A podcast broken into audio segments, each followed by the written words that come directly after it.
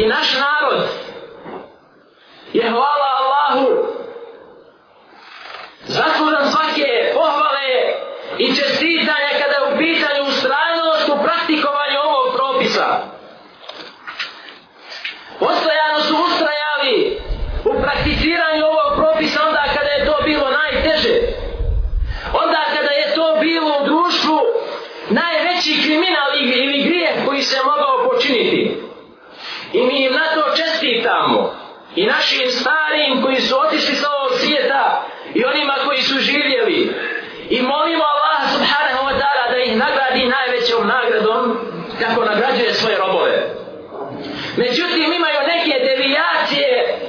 po pitanju nekih shvatanja na koje moramo ukazati i koje potiču od šeitana da bi zaveo ljude. Kod nekih ljudi je ovaj propis mjerilo nečijeg imana, vjerovanja ili kupra nevjerstva. Pa često se može čuti da onaj koji nije izvršio taj obred bude osuđen na taj način od naroda i ocijenjeno karakterisan kao odpadnikom od vjere, da se da je uznevjeruju da se odmetnu. A kada istim ljudima spomeneš da određena osoba ne klanja pet dnevnih namaza, ta će informacija normalno proći u njihovom društvu i neće izazvati nikakvo čuđenje. čuđenje. A znate li, draga moja braćo, da mnogi islamski učenjaci smatraju da onaj koji ostavlja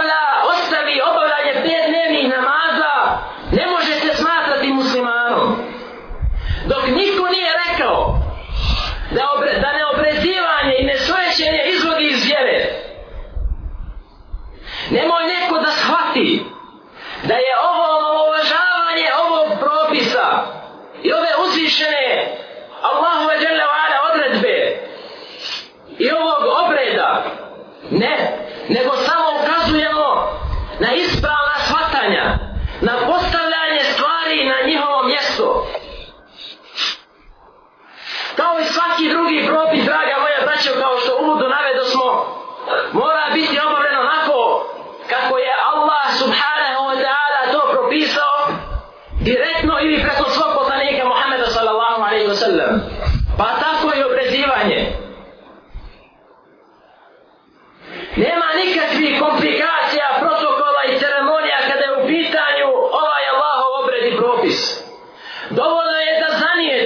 u ime Allaha da to činiš radi njega i da mu se pokoriš, da mu se približiš na taj način i da povedeš onoga koji to treba da uradi kod izuzetno tuše osobe da to odradi i to je sve.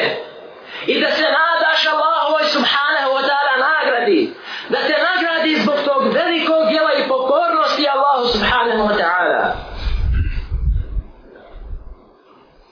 Međutim, Mnogi narodni običaj u našem narodu ili u nekom drugom narodu su otežali ovaj propis. Pa sam bio u prilici u jednom društvu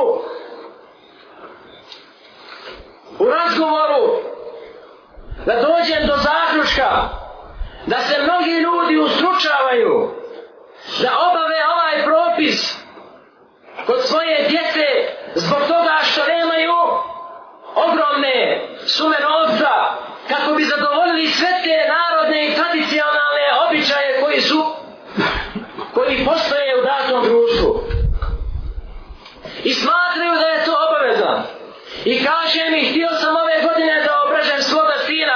ali nisam u mogućnosti. Rekao, zbog čega nisi u mogućnosti? Je li to doktor toliko traži novca da ne mora da mu sakupiš toliko sumu novca? Kaže, ne. Nego ove druge, ovamo, ovi drugi protokoli koji su obavezni kod nas. Ja mu kažem, to nije propisano, dovoljno ti je da odeš kod lekara, pojede svoga tina da uradi to u ima Allah subhanahu wa ta'ala, ništa drugo nisi obavezan njemu je laknulo kao da sam mu veliki kamen sa srca makao i, ka, i iste godine je uradio uradio obrazao svoga sina pošto je hutba draga moja braćo prilika da se na dade smjernica na neke tokove u društvu u kome se drži hutba i predavanje onda ćemo iskoristiti priliku da ukažemo sa Mnogi ljudi, draga moja braćo, povodom ovog čina i obreda, čine neke stvari koje nisu dozvoljene. Kao što je primjer organizovanje muzike povodom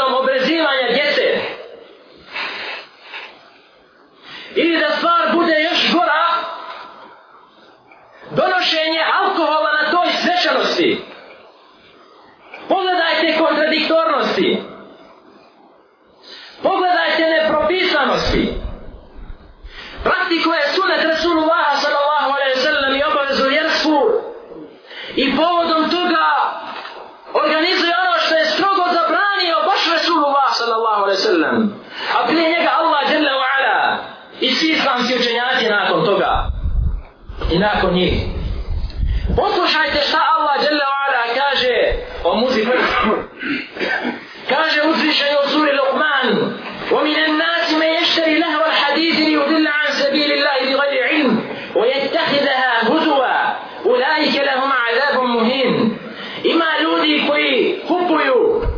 više za razonodu i zabavu bez znanja da bi odvodili sa Allahom subhanahu wa ta'ala puta i da bi uzimali to kao ismijavanje njih čeka sramna patnja pod pričama za razonodu ulazi svaki govor koji odraća od Allahovog puta a prije svega i u prvom redu ulaze svi muzički instrumenti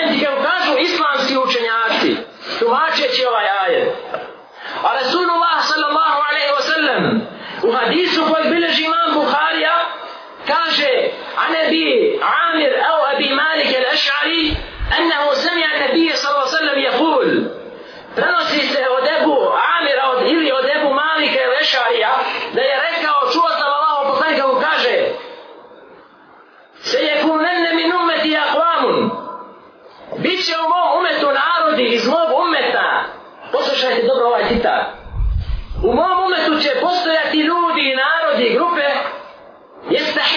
kafir koji će ohavalivati i dozvoljavati bud wal harire i svilu wal hamra wal ma'adif i alkohol alkohol i muzičke instrumente pogledajte termin koji je upotrebio Rasulullah ovaj hadis bileži Bukhari on je vjerodostanio oko toga nema nikakve sumnje pogledajte kakav je termin Rasulullah upotrebio bit će iz mog umeta narod koji će ohavalivati što znači da je u osnovi zabranjeno, odnosno haram.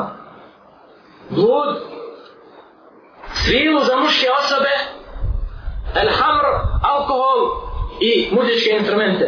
Naveću samo cita jednog od hanefijskih učenjaka, koji se zove Alauddin al-Kasani, u svom poznatom dijelu Bedaju Sanaya, u šestom tomu, 84. Naše objeđenje, to jeste objeđenje hanefijskih učenjaka, jeste da je muzika drogi haram. Neko će reći, to je običaj kod nas. Mi kažemo, običaj je u našem